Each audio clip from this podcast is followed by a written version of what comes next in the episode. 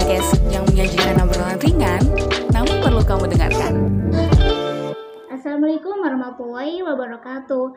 Halo Sigmania, kembali lagi di podcast Sigma dalam program Curma Curhatan Mahasiswa.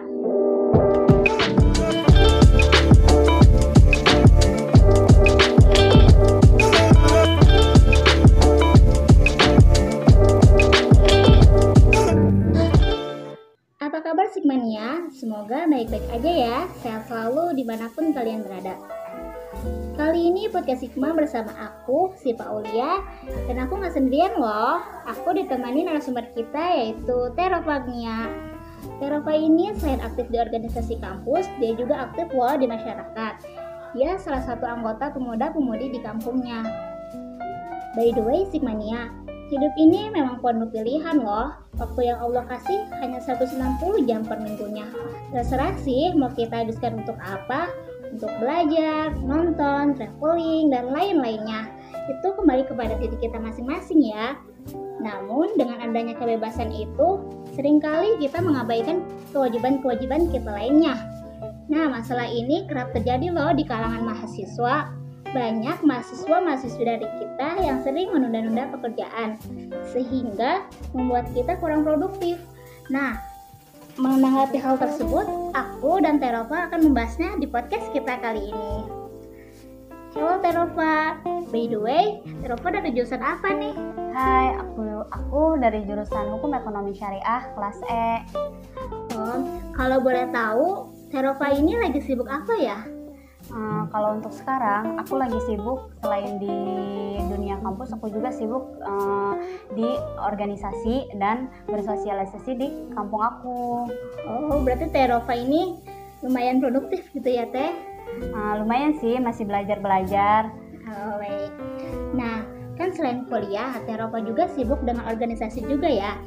Uh, sama nih kayak aku aku jalanin sekarang tapi aku suka bingung gitu teh. Cara membagi waktunya terkadang kan tugas aku juga nih suka terbengkalai tugas-tugasnya. Nah menurut Teropa bagaimana sih cara Teropa agar tetap produktif? Uh, apa sih Teropa itu kayak menjalan selain Teropa menjalankan kegiatan-kegiatan lainnya gitu uh, cara aku untuk memproduktifkan kegiatan-kegiatan aku. Di samping aku kuliah di uh, HES aku juga uh, berorganisasi bersosialisasi. Itu juga uh, aku gimana cara memproduktifkannya ya aku lebih mementingkan kepentingan yang lebih penting kayak lebih urgent. Ketika misalkan ada tugas kuliah ya habis yeah. gitu juga uh, ada kegiatan organisasi ataupun harus bersosialisasi di masyarakat.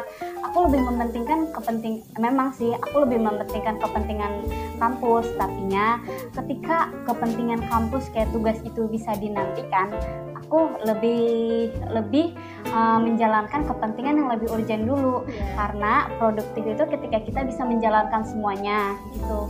Oh.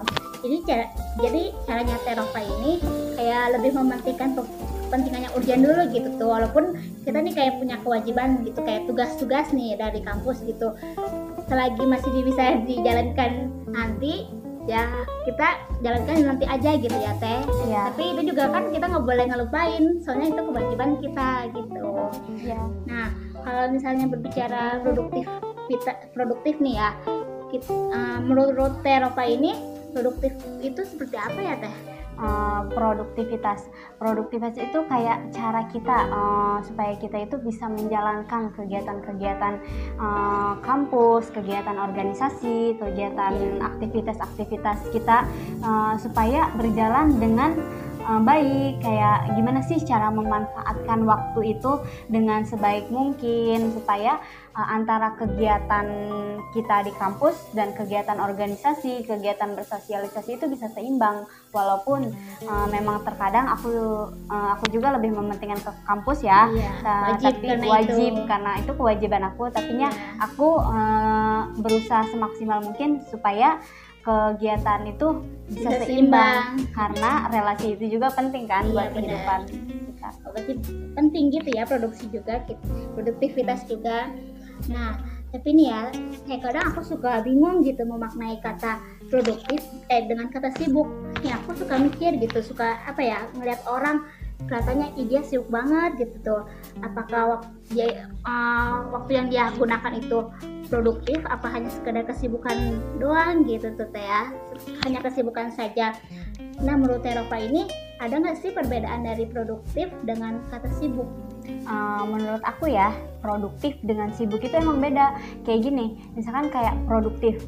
Produktif itu bagaimana cara kita menjalankan aktivitas kegiatan rutinitas kita dalam kehidupan sehari-hari itu supaya berjalan dengan baik. Sedangkan kesibukan itu kegiatannya. Jadi kayak misalkan kegiatannya apa? Kegiatannya itu kayak kuliah kegiatannya itu kayak berorganisasi kegiatannya itu kayak misalkan bersosialisasi.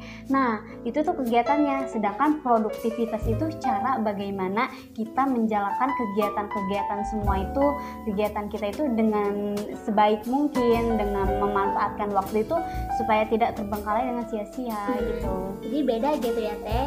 Um, memaknai produktif dengan sibuk. Jadi kalau si produktif itu caranya ya lebih Iya. ke caranya. Heeh. terus kalau misalnya sibuk mah hanya Kayak sekedar kegiatan. kegiatannya aja gitu dia ih sibuk kayak gitu Mm-mm. berarti yang aku bayangkan ya dia emang katanya aja sibuk cuman kita juga nggak tahu tuh dia produktif apa enggak Mm-mm. kayak gitu dan emang kalau misalnya itu lebih produk eh lebih menghasilkan itu lebih ke produktif ya teh kalau dari Ah. hasil ngeliat dari hasil Kalau ngeliat dari hasil sih lebih ke produktif ya karena emang terkadang ada orang yang sibuk ini tapi bisa saja melupakan kegiatan yang lebih pentingnya. Nah, jadi per- apa kesibukan itu nggak belum tentu dia produktif hanya Iya. kesibukan saja gitu ya teh. Eh, kan kita sebagai mahasiswa eh.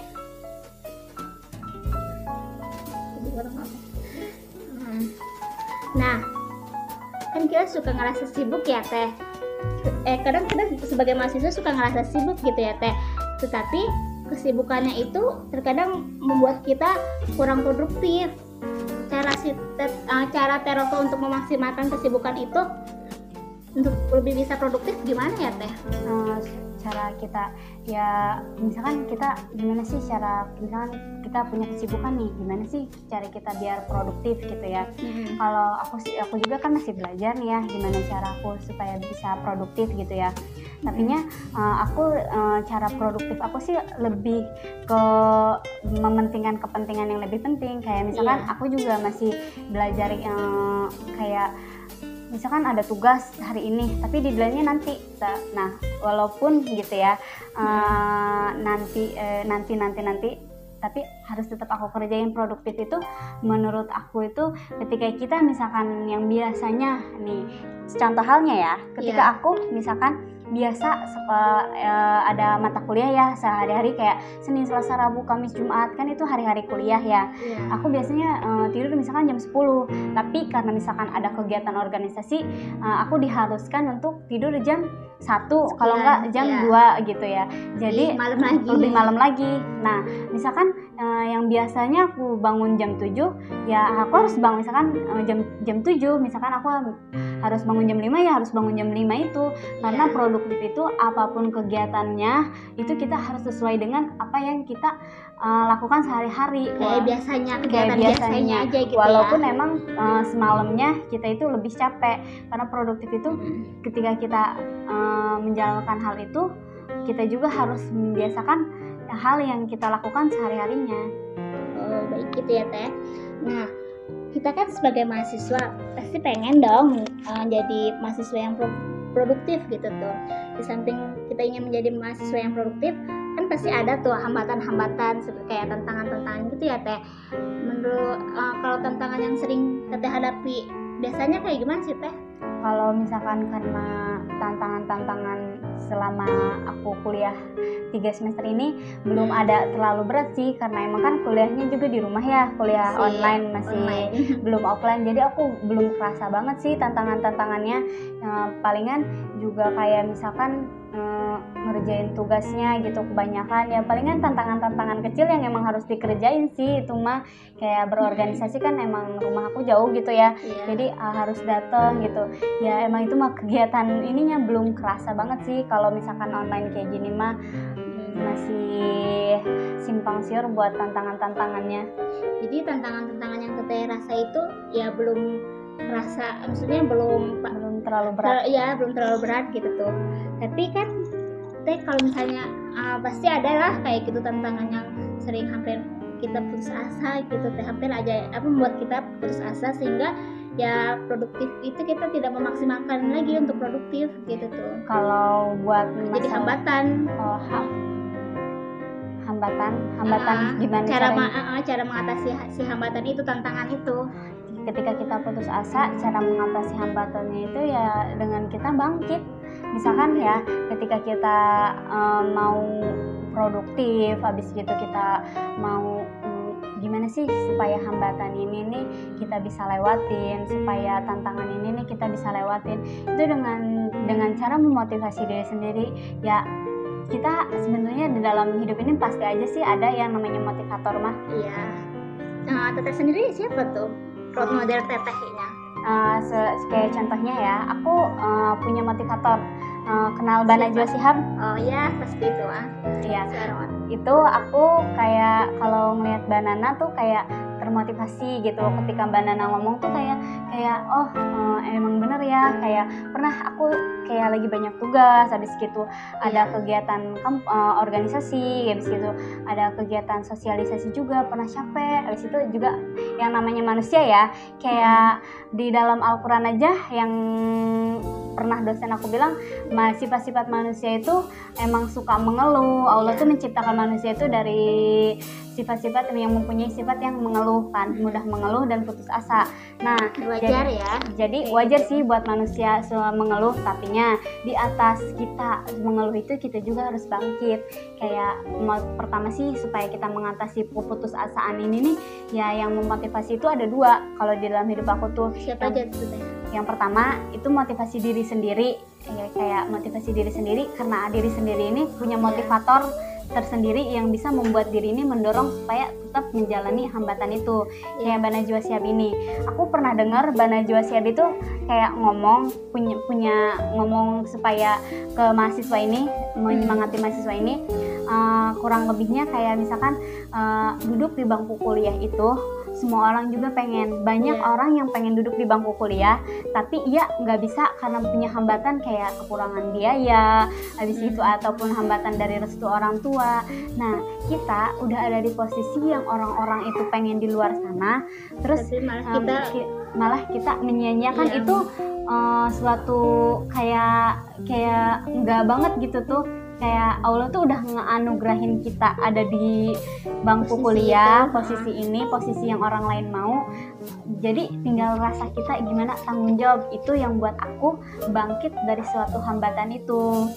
Dan, ya habis gitu yang kedua eh, itu motivasinya yaitu dari orang tua. Nah pasti itu mah ya saya jadi kalau misalkan mm, motivasi ketika aku selain dari motivasi diri sendiri yang punya motivator aku juga kayak dari orang tua kayak ketika melihat kan aku anak pertama ya Iya. jadinya ketika ada orang tua gitu ya em, lagi putus asa terus ngeliat orang tua nih capek kerja capek eh, Biayain. biayain kita eh, sehari-hari gitu tuh ya. Ya kayak oh ini ternyata eh, orang tua ini nih kayak ngebiayain kita kayak gini nih ya buat kita. Terus eh, kenapa kita harus nyanyain kesempatan ini gitu tuh? Yang kesempatan orang lain juga belum tentu bisa, dapetin, Mm-mm. gitu sih. Nah, berarti ya, cara teteh mengatasi tantangan itu dari dari diri sendiri ada, dari orang tua ada, terus salah satu dari motivator ya Mbak Najwa Sihab, nah termasuk itu yang membangkitkan teteh supaya ya bangkit gitu tuh. Nah, kan dari tantangan-tantangan yang teteh hadapi, walaupun kata teteh belum terlalu berat gitu tantangannya, pasti teteh bisa ngambil dong hikmah dari si tantangan tersebut. oh kayak hikmah gitu tuh ya. Kayak hikmah dari tantangan-tantangan yang belum terlalu berat ini ya. Aku kayak ngambil hikmahnya kayak oh jadi aku harus lebih memanfaatkan waktu. Gimana sih caranya aku lebih produktivitas dan membagi waktu supaya lebih baik lagi kegiatan-kegiatan akunya? Kayak kan misalkan tugas gitu ya. Seharusnya mah tugas ketika deadline walaupun lama sih ya harusnya mah dikerjain ya. Tapinya karena emang tergantung kesibukan aku juga gitu ya. Jadinya suka eh, nggak terbengkalai sih kayak suka di nanti nanti nanti. Nanti kayak hikmahnya itu kayak oh kayak tahun kemarin gitu ya oh ini berarti harus lebih baik lagi gitu ketika aku ngerjain tugasnya. Kayak kayak tugas tuh harus bener ya harus tepat waktu. Aku sekarang ya rasanya sekarang kalau ada tugas ketika di nanti nanti nanti tugas itu malah makan makin banyak Numpuk, iya. gitu jadinya Kadang ketika ada tugas terbengkalai terbengkalai. juga Iya, gitu. Aku sih lebih ke kalau motivasi da hikmah dari uh, semester kemarin yang aku Iya. jalanin. Jadi aku harus lebih uh, aktif lagi, produktif lagi dalam kegiatan sehari-hari di rumah, kegiatan sehari-hari di kampus gitu ya. Kayak kegiatan kampus kayak belajar mata kuliah itu ataupun berorganisasi atau bersosialisasi itu aku harusnya lebih uh, hikmahnya itu harus lebih membagi waktu karena mempelai hikmah dari tahun kemarin karena lumayan berantakan jadinya. Semester ini aku harus lebih memperbaiki diri lagi Oh, jadi hikmah yang saya ambil itu belajar dari pengalaman sebelumnya dari Iya. tahun lalu kayak gitu tuh. Iya. Jadi biar supaya nanti ke depannya kita nggak nggak ngulangin lagi kayak gitu. Jadi biar kita lebih baik lagi gitu ya. iya Nah, eh, aku mau nanya nih teh, menurut teteh itu ada nggak sih teteh tips and tricksnya untuk menjadi mahasiswa yang produktif?